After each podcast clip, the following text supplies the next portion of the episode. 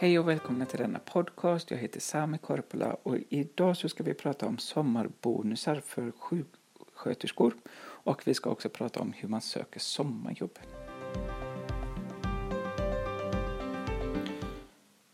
SVT gick ut med nyheterna att det är personalbrist i vissa branscher, eh, bland annat inom vården. Och vården är ju en sån här bransch där som alltid har brist på personal.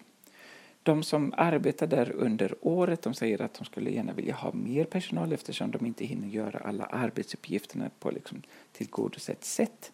Eh, vi har, hör ju också rapporter från, liksom, från nyheter som rapporterar om att det är liksom brist på personal och att personalen går på knäna och man skulle vilja liksom ha mer eh, huvuden på de här olika enheterna som kan hjälpa till med olika saker. Sommaren så är det stor brist.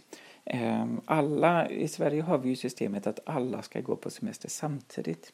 Vi har ju den här sommaren, juni, juli, augusti kallas ju till och med för semestermånaderna. Och liksom i facken och i kollektivavtal så har man liksom kommit överens om att det är då och typ enbart då som man ska ta ut sin semester.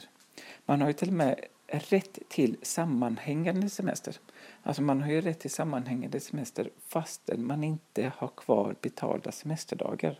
Alltså låt oss säga att man har använt upp alla sina betalda semesterdagar så har du ändå som arbetstagare rätt till ett visst antal dagar i sammanhållen semester under semesterperioden. Semesterperioden innebär ju alltså juni, juli, augusti. Det varierar ju såklart i olika eh, kollektivavtal och de olika facken har lite olika åsikter. Men jag tror att jag sammanfattar det ganska bra. I vården så ställer detta till med väldigt stora problem. För vi måste ju komma ihåg det här att det finns ju väldigt många yrken som kan genomföras av personer som inte riktigt har kompetensen. Alltså låt oss tänka så här att om vi tar Lättaste exemplet är ju inom industrin eller inom liksom, hotell, hotellstäd, låt oss säga. För att göra de arbetsuppgifterna så behöver man ingen särskild utbildning och ingen särskild erfarenhet utan är man rätt person med rätt egenskaper så kan man liksom göra arbetsuppgifterna. Och på detta sätt så kan man ju hitta sommarvikarier på ganska enkelt sätt. Sen finns det givetvis arbetsuppgifter både inom hotell och inom industrin som innebär att man måste ha gått en viss utbildning eller ha viss erfarenhet för att kunna göra arbetsuppgifterna på, på korrekt sätt. Men generellt så innebär ju det att du kan ha påbörjat en utbildning, alltså att du är student under terminerna och vill ha ett sommarjobb. Eller så kan det ju vara så att du hittar någon annan arbetssökande som kanske inte riktigt har rätt kompetens men under sommarmånaderna så kan man liksom utföra arbetsuppgifterna. Till och med inom myndigheter så gör man ju på detta sätt.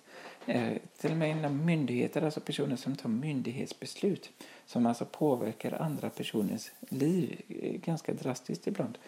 Till och med de tar ju in studenter. Studenter som nästan, men inte riktigt, är klara med sin utbildning och så får de sommarjobba. De arbetar ju oftast inte själv utan de arbetar ju oftast i grupper eller enheter där det alltid finns någon eh, liksom mer erfaren personal som kan liksom hjälpa dem att ta besluten. Men poängen är att också i myndigheter så kan folk arbeta fastän man inte har fullständig utbildning. Inom vården så är det ju inte så.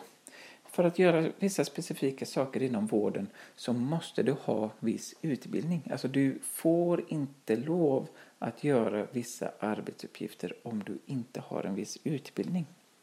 Sjuksköterska är ju ett sådant yrke eh, och specialistsjuksköterska är ju ett annat. Nu är det ju så att det är ju brist. Det är brist inom de här branschen, det är brist inom branschen och det är brist på de här personerna med den här utbildningen. Och det är brist under sommaren eftersom alla går på eh, semester. Detta innebär ju att det är panik och de här olika vårdcentralerna och sjukhusen gör ju på olika sätt för att locka till sig sin personal. Vissa sjukhus och vissa vårdcentraler är ju ute väldigt, väldigt tidigt och söker sommarpersonal. Och när jag säger väldigt tidigt så menar jag ungefär december. Och, och detta gör ju vissa sjukhus eftersom de har liksom väldigt lång framförhållning i sin planering för sin ordinarie personal och de vet att de måste vara först för att få personal.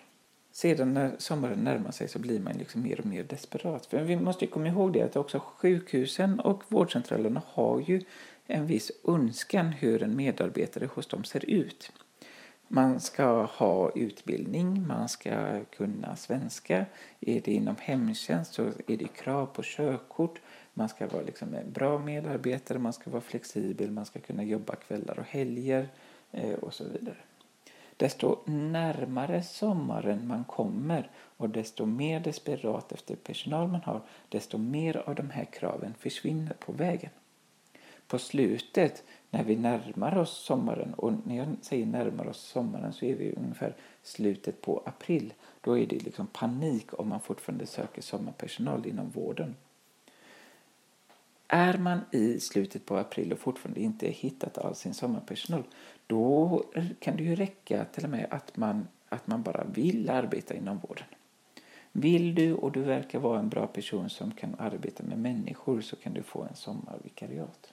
Det här varierar ju väldigt stort givetvis eh, och på väldigt många olika ställen ser det olika ut. Eh, men detta är ungefär den erfarenheten som jag har samlat på mig i kontakt med de olika äldreboenden och hemtjänsten som jag arbetar med och samarbetar med. Nu har det ju dock visat sig att vissa yrkeskategorier måste man vara utbildad, det vet vi ju. För att få de här utbildade personalen som då inte finns och som man liksom annonserat under hela våren som man konstaterat att de här kommer vi inte lyckas hitta. Och det är inte så att vården bara kan stänga sin verksamhet och säga att men, Jaha, vi hittar ingen sommarvikarie så vi stänger all verksamhet. Så går det ju inte att säga. Utan vad då vissa landsting har gjort är att de erbjuder ganska mycket extra ersättning för att locka till sig sin personal. Blekinge har gått längst eh, enligt SVT och där får sjuksköterskor eh, 20 000 kronor extra i veckan om de då arbetar istället för att ta semester. Specialsjuksköterskor kan få ända upp till 24 000 kronor, eh, rapporterar SR Ekot. Eh, nu ska vi ta datum här också, 18 april 2015. Och detta är ju inte en långsiktig lösning. Alltså lösningen kan ju aldrig vara att ja, vi söker personal, vi har stor brist, så vi höjer ersättningarna. Vad som händer då om man höjer ersättningarna det är ju att man då måste vara beredd på att höja ersättningarna varje år. Och det är ju det som har hänt då i Dalarna. Vårdpersonal i Dalarna kunde förra året få 10 000 kronor eh, och i år så är den summan uppe i 15 000 kronor extra i veckan. Och detta, detta är inte en långsiktig lösning utan vad som, man som arbetsgivare då behöver göra det är att fundera på andra saker som lockar till sig sin personal. Kan man ha bra ledning och bra styrning så alla trivs med sin chef till exempel? Kan man se till att arbetsbördan blir bra och på ett sådant sätt så att personalen trivs med sina arbetsuppgifter? Eh, kan man hjälpa dem i olika beslut? Eh, kan man arbeta med arbetsmiljön på ett sätt som, som gör det bättre och så vidare. Gör man inte det så får man ju konkurrera på samma villkor som alla andra och, och till sist har du ju bara lönen att konkurrera med och då måste den ju upp hela tiden. Och det här är ju också ett problem under året. Alltså jag tänker så här skulle jag arbeta som sjuksköterska eller som specialistsjuksköterska och bo på väst, och bo på västkusten så skulle inte jag arbeta i Sverige. Alltså jag skulle ju arbeta i Norge.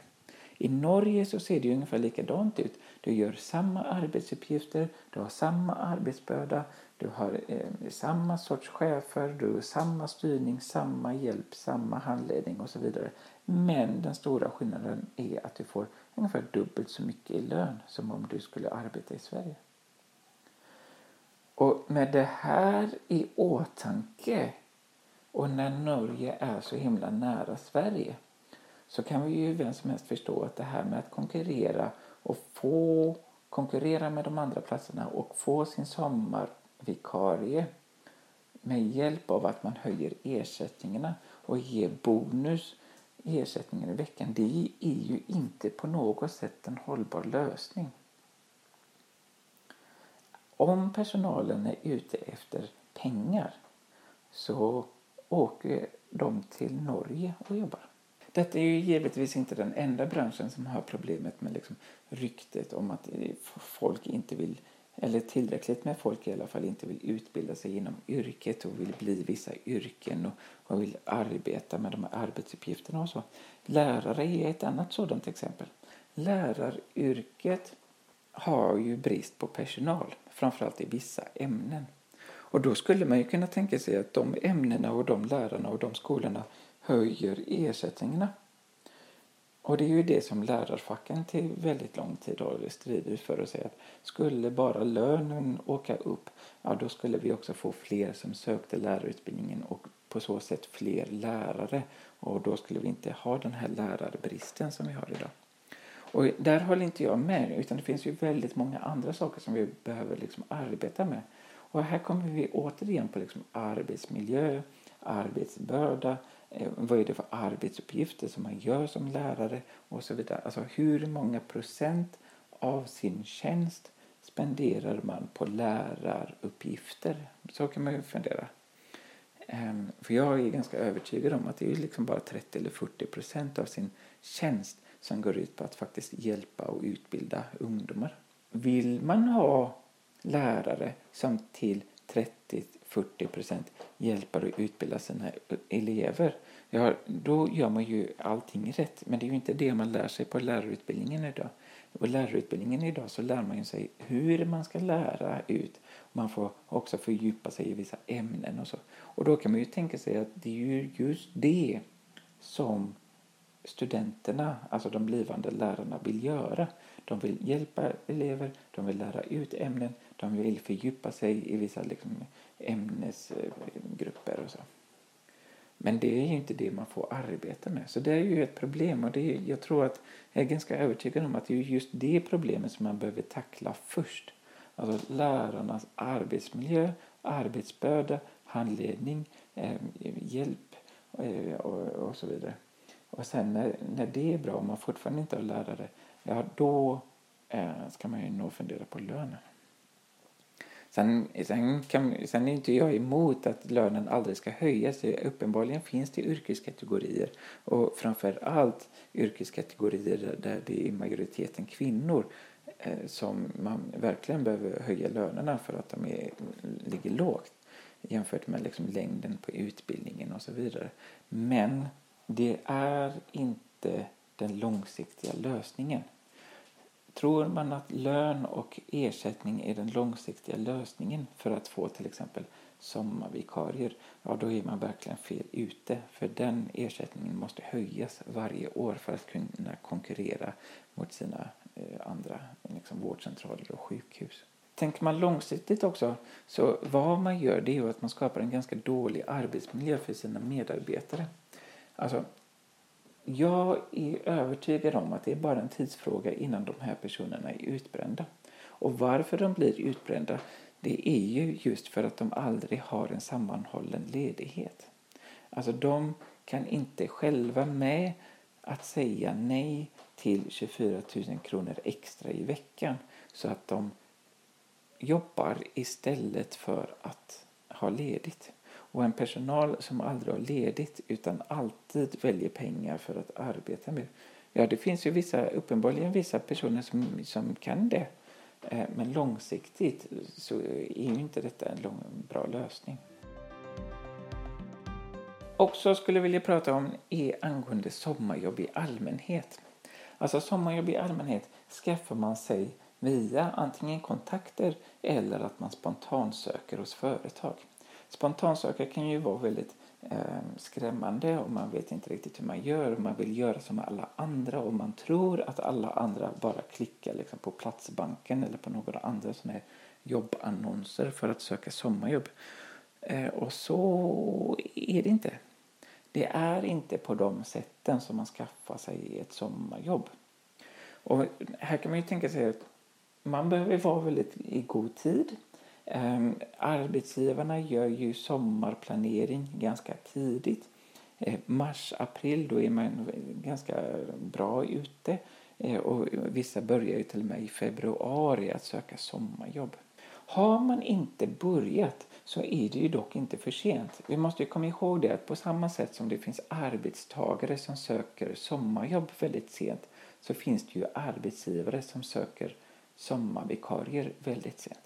Det kan ju vara väldigt många olika anledningar. Det kan ju vara att arbetsgivaren eh, bara slarvar och inte liksom hunnit med att göra en, en sommarplanering. Det kan ju också vara så att personal eh, ganska abrupt och eh, liksom med, ganska hastigt har liksom sagt upp sig eller ska bli föräldralediga eller någon annan sån anledning som gör att de behöver mer sommarpersonal. Och att då i, i den svängen spontansöka eh, sommarjobb hos dem, eh, det vore ju toppen såklart. Gör man det i rätt tillfälle, precis när de behöver och när de har insett att de behöver sommarpersonal, eh, så ligger man ju väldigt bra till. Min poäng är egentligen att det är aldrig för sent att söka sommarjobb.